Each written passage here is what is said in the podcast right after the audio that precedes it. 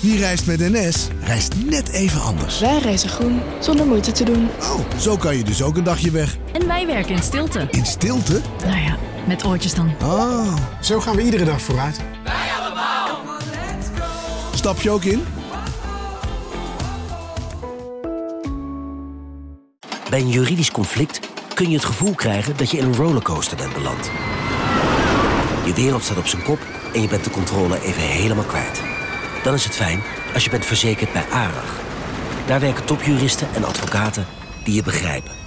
Die een stap extra voor je zetten. En je het gevoel van controle teruggeven. Met kennis en informatie, met heldere uitleg en met gericht advies. ARAG, juridisch probleemoplossers.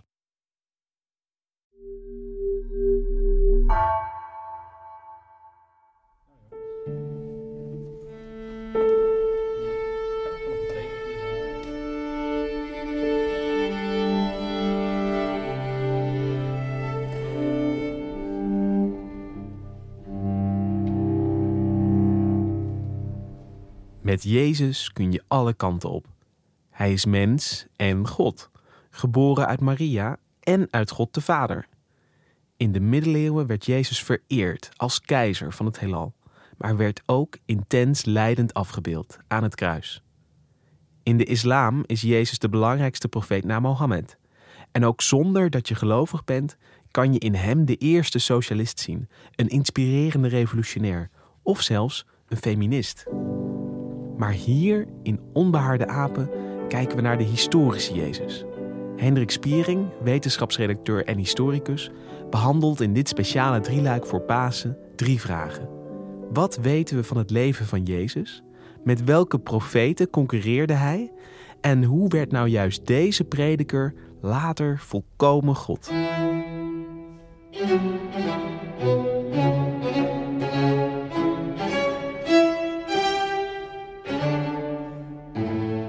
En dan is er natuurlijk nog even dit. Er is misschien een vraag die bij luisteraars opkomt. Waarom spreek jij daarover, Hendrik Spiering?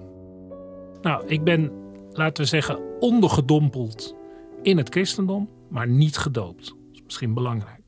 Het begon eigenlijk al op de openbare school waar ik op zat.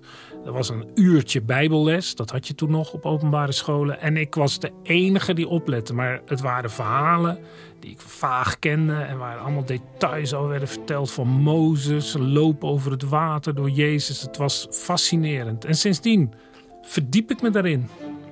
En later, als je geschiedenis gaat studeren, dan ontdek je dat ja, dit is een verhaal wat al 2000 jaar in iedere periode een hele eigen rol speelt. De Jezus in de 18e eeuw was een totaal ander figuur dan in de middeleeuwen. En toch dezelfde Jezus tussen aanhalingstekens. Nou, dat proces van verandering en manipulatie en hoe een verhaal van het ene in het ander wordt omgezet. Ja, dan wil je ook weten, hoe is dat ooit begonnen? Ik heb daar ook vaak over geschreven, ook in de krant. Maar nu het Pasen wordt en we deze prachtige podcast Onbehaarde Apen hebben, wilde ik iets speciaals doen. Voor Pasen. Het verhaal van de historische Jezus en hoe het verder ging. Aflevering 2. De andere profeten.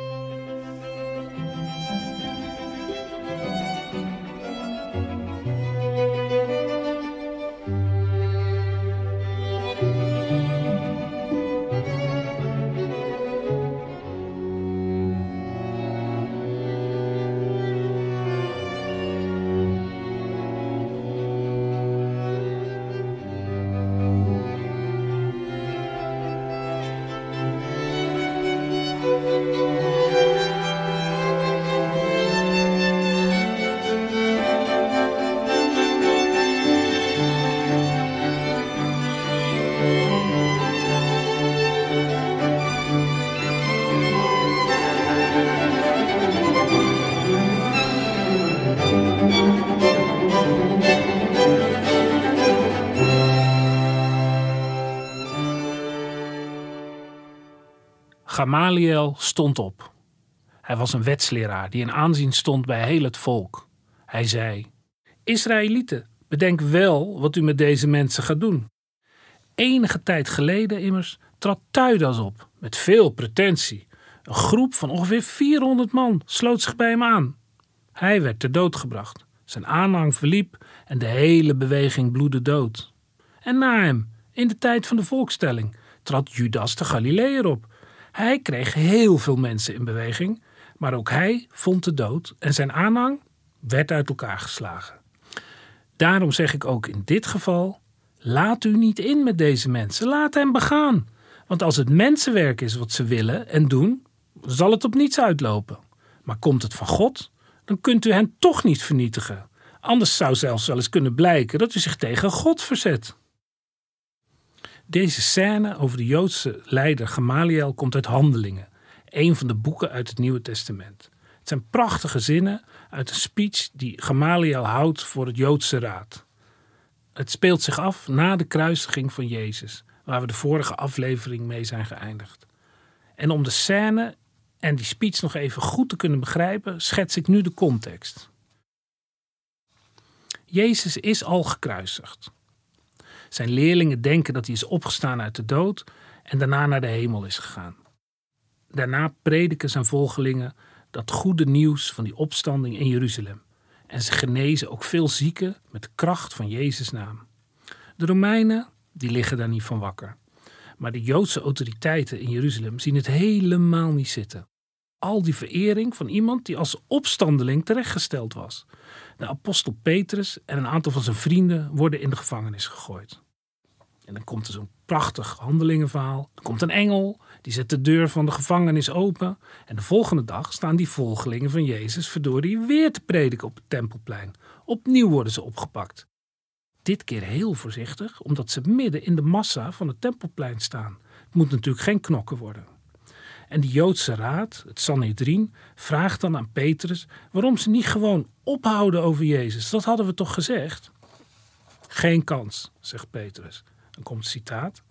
Men moet God meer gehoorzamen dan de mensen. God heeft Jezus een plaats gegeven aan zijn rechterhand, hem tot leidsman en redder verheven om de Israëlieten tot inkeer te brengen en hun zonde te vergeven. En dan komt de kalme Joodse leider Gamaliel tussen beiden, die de gemoederen gaat bedaren. En dan komt dus die speech. Ik zal het nog een keer voorlezen. Israëlieten, bedenk nog eens goed wat u van plan bent met deze mensen. Immers, enige tijd geleden wierp Tuidas zich op als een man die het volk zou leiden en ongeveer 400 mensen sloten zich bij hem aan. Hij werd gedood, zijn aanhang viel uiteen en verdween in het niets.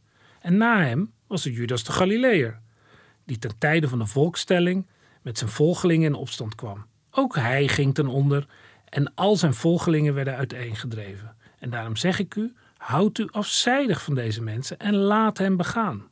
En zo gaat het nog even verder. En met deze reden wint Gamaliel het pleit in het Sanhedrin. Met een paar woorden verhindert hij dat Petrus en een paar andere oerchristenen ter dood worden gebracht. Laat ze toch, zegt Gamaliel. Als het mensenwerk is wat ze nastreven, zal het op niets uitlopen. Maar als het Gods werk is, zult u niets tegen hen kunnen uitrichten. Waarom vertel ik dit verhaal? Ja, niet omdat het waar is. Het is waarschijnlijk een stukje schitterende christelijke propaganda aan het einde van de eerste eeuw. Want natuurlijk zal die beweging uit God blijken te zijn. Ik vertel het omdat je uit deze woorden, die in de mond worden gelegd van Gamaliel, die trouwens wel echt bestaan heeft, iets kunt zien van de context waarin Jezus optrad. Want ja, wat zei hij eigenlijk, die Gamaliel? Ineens duikt daar die Tuidas op, Judas de Galileër. Wie zijn dat? Andere profeten? Opstandelingen? In het Nieuwe Testament komen ze verder niet voor. En je vraagt je dan wel af, waarom kennen we hen niet, maar Jezus juist wel? Dat gaan we in deze aflevering bekijken. Hoe bijzonder is Jezus in een tijd vol profeten?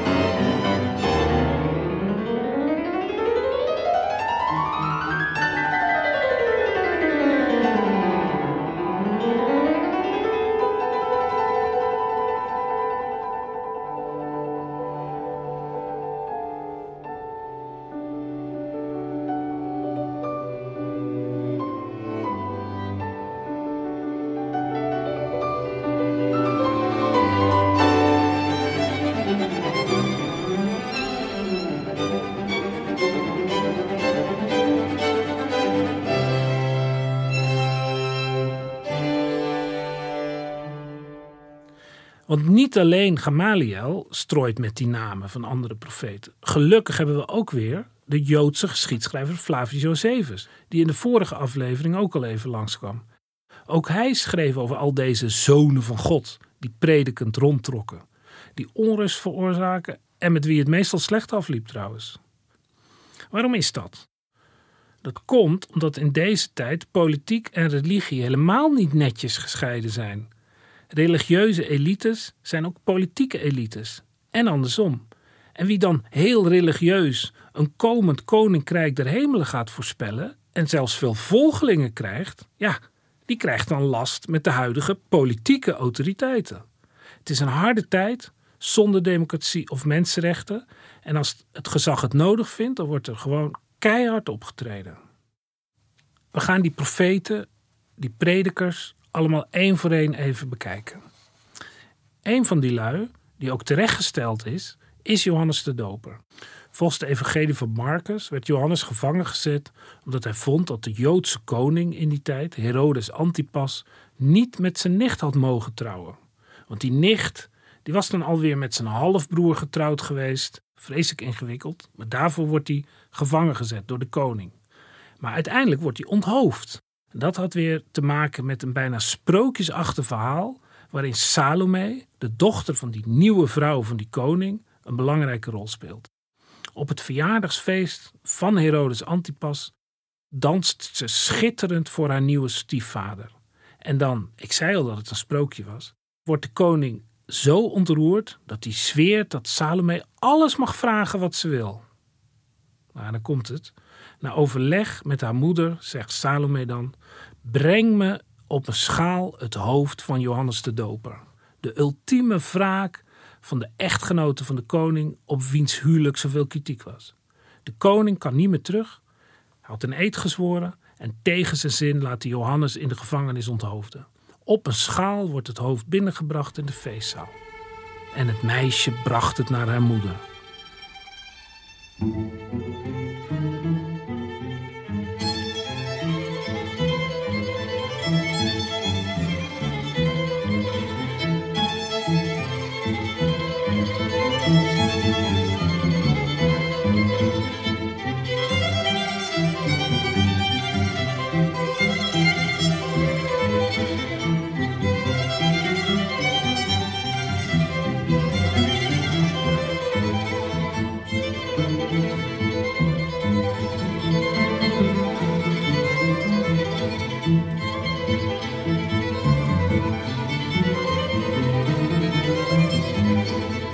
Zo komt Johannes de Doper aan zijn einde, als een hoofd op een schaal in een feestzaal. Het is een prachtig verhaal. Er is zelfs nog een opera van gemaakt. En zoals vaak met de historische methode, te mooi is waarschijnlijk niet waar. Maar we hebben nog een bron. Onze oude vriend, de Joodse historicus Flavius Josephus, heeft een veel aannemelijker verhaal geschreven. En dat gaat zo. Johannes was een goed mens die alleen maar wilde dat vrome Joden, die goed voor elkaar waren, zich zouden laten dopen. Nou, niks aan de hand zou je zeggen, vreedzame prediker. Maar, zo schrijft Josephus dan, de koning Herodes Antipas, die zag vooral een man die een grote groep enthousiaste Joden aan zich kon binden. En dat zou wel eens tot een opstand kunnen leiden. Herodes Antipas laat Johannes preventief in de ketenen slaan en ombrengen. Klaar. Over het dansende nichtje geen woord. En wat Josephus ook niet schrijft, maar weer wel in het Nieuwe Testament te lezen valt, is dat Johannes de Doper wel degelijk predikte over zijn snelle verwachting van het Koninkrijk Gods. De grote afrekening komt eraan, voorspelt Johannes de Doper, want, zoals het in de Bijbel staat, hij zegt: De bijl ligt al aan de wortel van de boom. Iedere boom die geen goede vruchten draagt, wordt omgehakt en in het vuur geworpen. Ja, en als je dat weet, dan voel je wel aan dat Herodes Antipas waarschijnlijk wel het gevoel zal hebben dat hij, dat hij een van die bomen zal zijn die geen goede vruchten draagt, volgens Johannes de Doper. En dan heb je dus gewoon te maken met een politieke dreiging. En dan treed je in die tijd op, zoals je tegen dat soort dreigingen optreedt. In de ketenen slaan en laten ombrengen. Nee, De eerste eeuw is echt geen goede eeuw om predikend rond te gaan lopen met veel volgelingen. Zeker niet in Israël.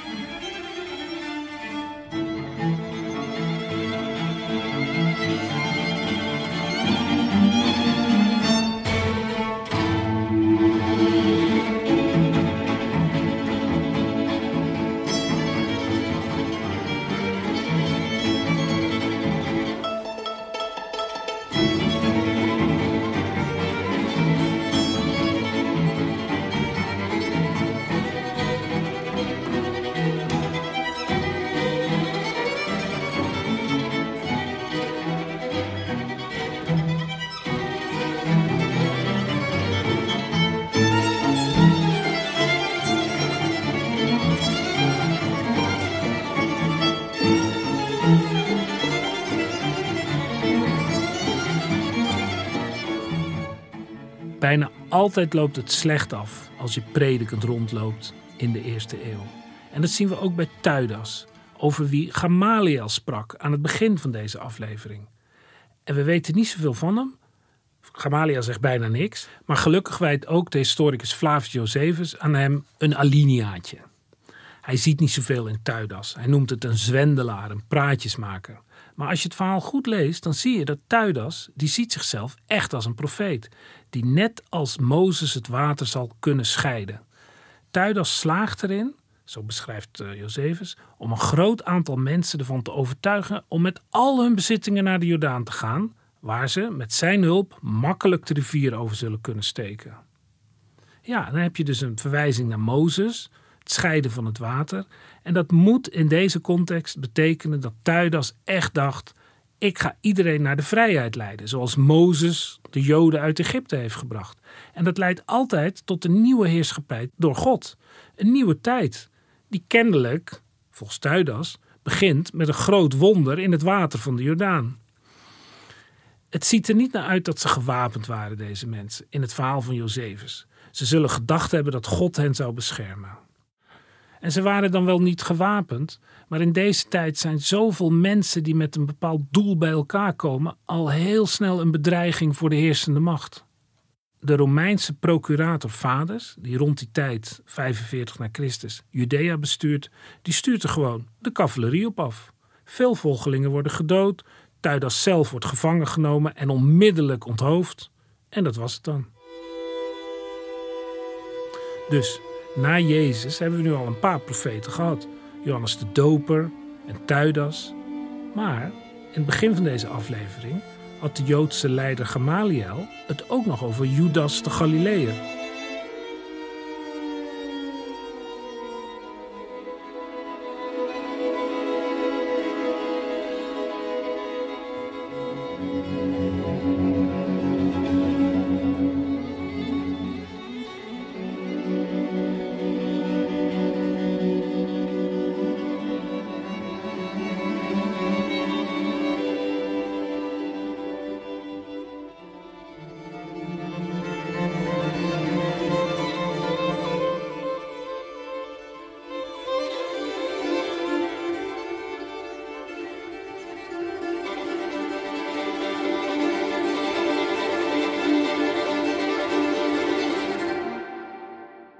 Gaat een beetje als volgt. Zo rond het jaar 6 na Christus, toen Jezus nog een jongen was, beval de Romeinse gouverneur Quirinius dat iedereen moest opgeven hoeveel bezit hij bezat. Ja, handig voor de belastingen natuurlijk.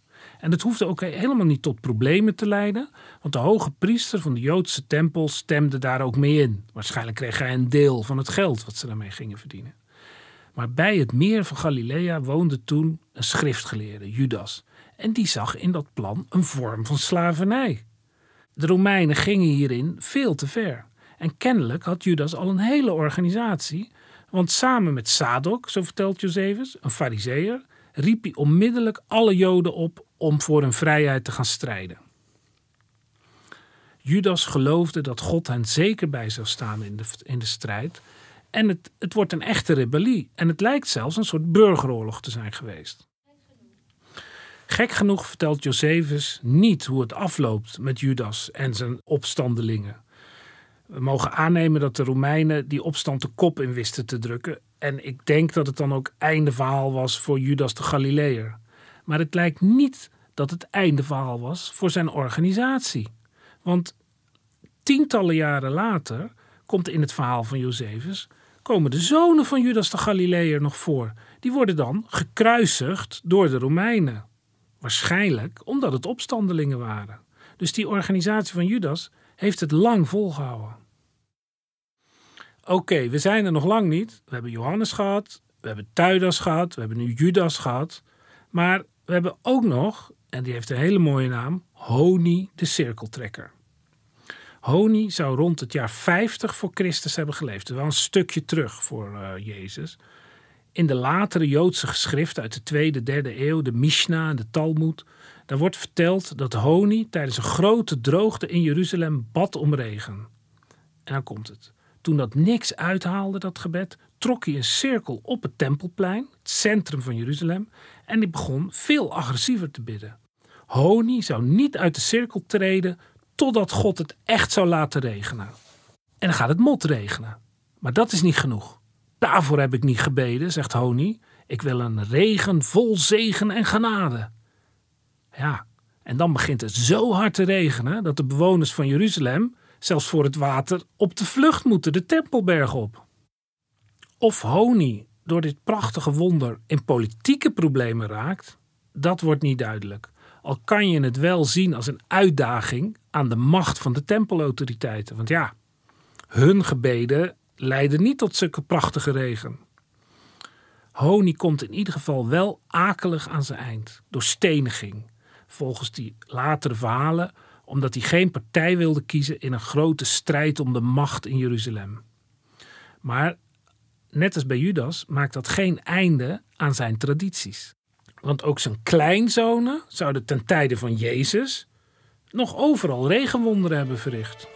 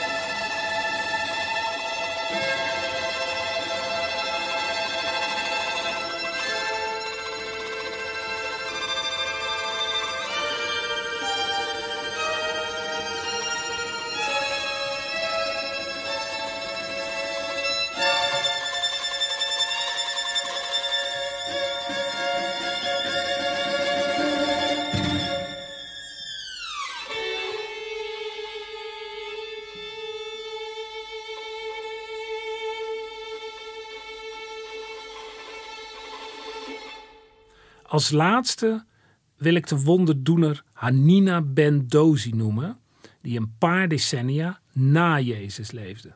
En het bijzondere van zijn wonderen was dat hij niet alleen regen kon oproepen, maar hij kon het ook laten stoppen. En hij was een echte heilige. Er was een hagedis die al een aantal mensen dood had gebeten en die beet ook Hanina, maar dat deerde hem niks. Hij was onschendbaar. En net als Jezus dreef hij ook voortdurend duivels uit. En er zou zelfs een stem uit de hemel zijn geweest die hem had uitgeroepen tot zoon van God. Wat we nu vaak heel letterlijk nemen, maar toen betekende dat zoveel als een heel bijzonder mens. Of Anina Bendozi ook nog in conflict is gekomen met de Joodse of Romeinse autoriteiten, dat is niet bekend. Maar al deze verhalen over al die profeten uit de tijd van Jezus laten zien dat hij echt niet de enige wonderdoener was. En heel veel prediken toch ook net als Jezus een soort komende heerschappij van God. Alleen Honi, Judas de Galileër, Tuidas, Hanina Bendozi, ze zijn allemaal vergeten. En van al deze profeten staat alleen Jezus aan het begin van werkelijk grootse ontwikkelingen. Die zullen leiden tot maar liefst een paar miljard volgelingen 2000 jaar later. En dat roept de vraag op: wat is dan het verschil tussen Jezus en die andere profeten uit zijn tijd.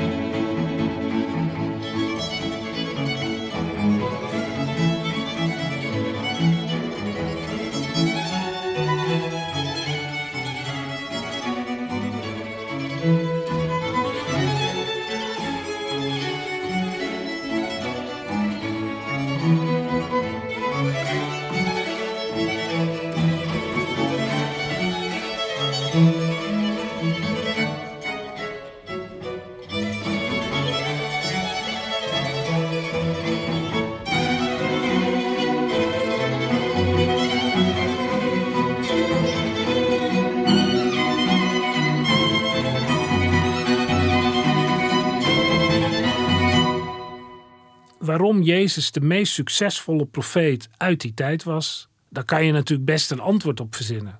Je kan zeggen, het is toeval. Want ja, het, het is best een goede vraag wat er met de Jezusbeweging zou zijn gebeurd als Petrus en die andere vroege christelijke leiders wel heel snel ook ter dood waren gebracht. Je kan het over een andere boeg gooien. Je kan zeggen, ja, dat bewijst dus per definitie bijna dat Jezus dus kennelijk veel charismatischer was dan die anderen. Je kan zelfs zeggen, ja, hij was veel beter georganiseerd. Maar ja, dat weten we natuurlijk eigenlijk niet. En het is heel erg moeilijk te bepalen. En het lijkt er ook op, uit wat we wel weten, ook van die andere profeten, dat Jezus tijdens zijn leven niet heel veel opvallender was dan die anderen. Hij had niet meer volgelingen, zo lijkt het. Er is wel één verschil wat heel duidelijk is. Hoewel heel veel van die anderen ook terechtgesteld zijn en sommige zijn zelfs gekruisigd, maar alleen bij Jezus werden zijn volgelingen er totaal van overtuigd dat hij was opgestaan uit die dood. Een heel nieuw feit. Het kan natuurlijk toeval zijn dat die volgelingen van Jezus als enige kennelijk wel in opstanding gingen geloven. Er zijn ook andere mogelijkheden. Misschien was de klap van de kruisiging bij de volgelingen zo groot dat ze alleen maar door een soort psychologische ontkenning van die dood met zichzelf in het reinen konden komen. Het waarom zullen we dus niet weten. Maar dat de goddelijke status van Jezus bij zijn volgelingen zo ongeveer per decennium groter wordt na zijn dood, dat is wel duidelijk. Het gaat heel snel. En daarover gaat de volgende aflevering, de slotaflevering van deze korte serie van Onbehaarde Apen.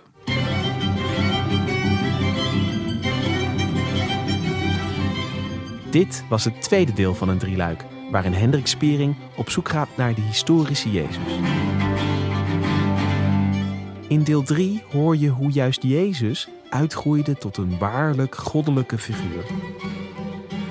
Deze podcast werd gemaakt door Mirjam van Zuidam, Jeppe van Kesteren en Hendrik Spiering. De muziek werd gespeeld door het Dudok Quartet. In het vierde pianoconcert van Beethoven hoorde je ook pianist Hannes Minnaar en altvioliste Simone van der Giezen. Verder speelde het Dudok Quartet muziek van Balog Kalman en Ligeti.